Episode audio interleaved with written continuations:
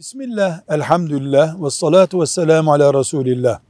Helal kazanmak çok zor. Helal istesen de gelmiyor, haram çabuk geliyor gibi savunmalar yapan, yani haramı gevşetmeye çalışan Müslüman bilmeli ki Allah'ın helalleri haramlarından çoktur.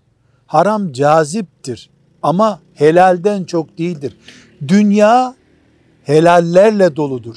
Haramlarla dolu değildir. Ve şu da bilinmelidir ki haram sadece kendisi değildir.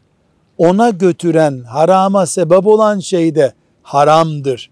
Ve bir insanın niyetinin iyi olması haramı helalleştirmez.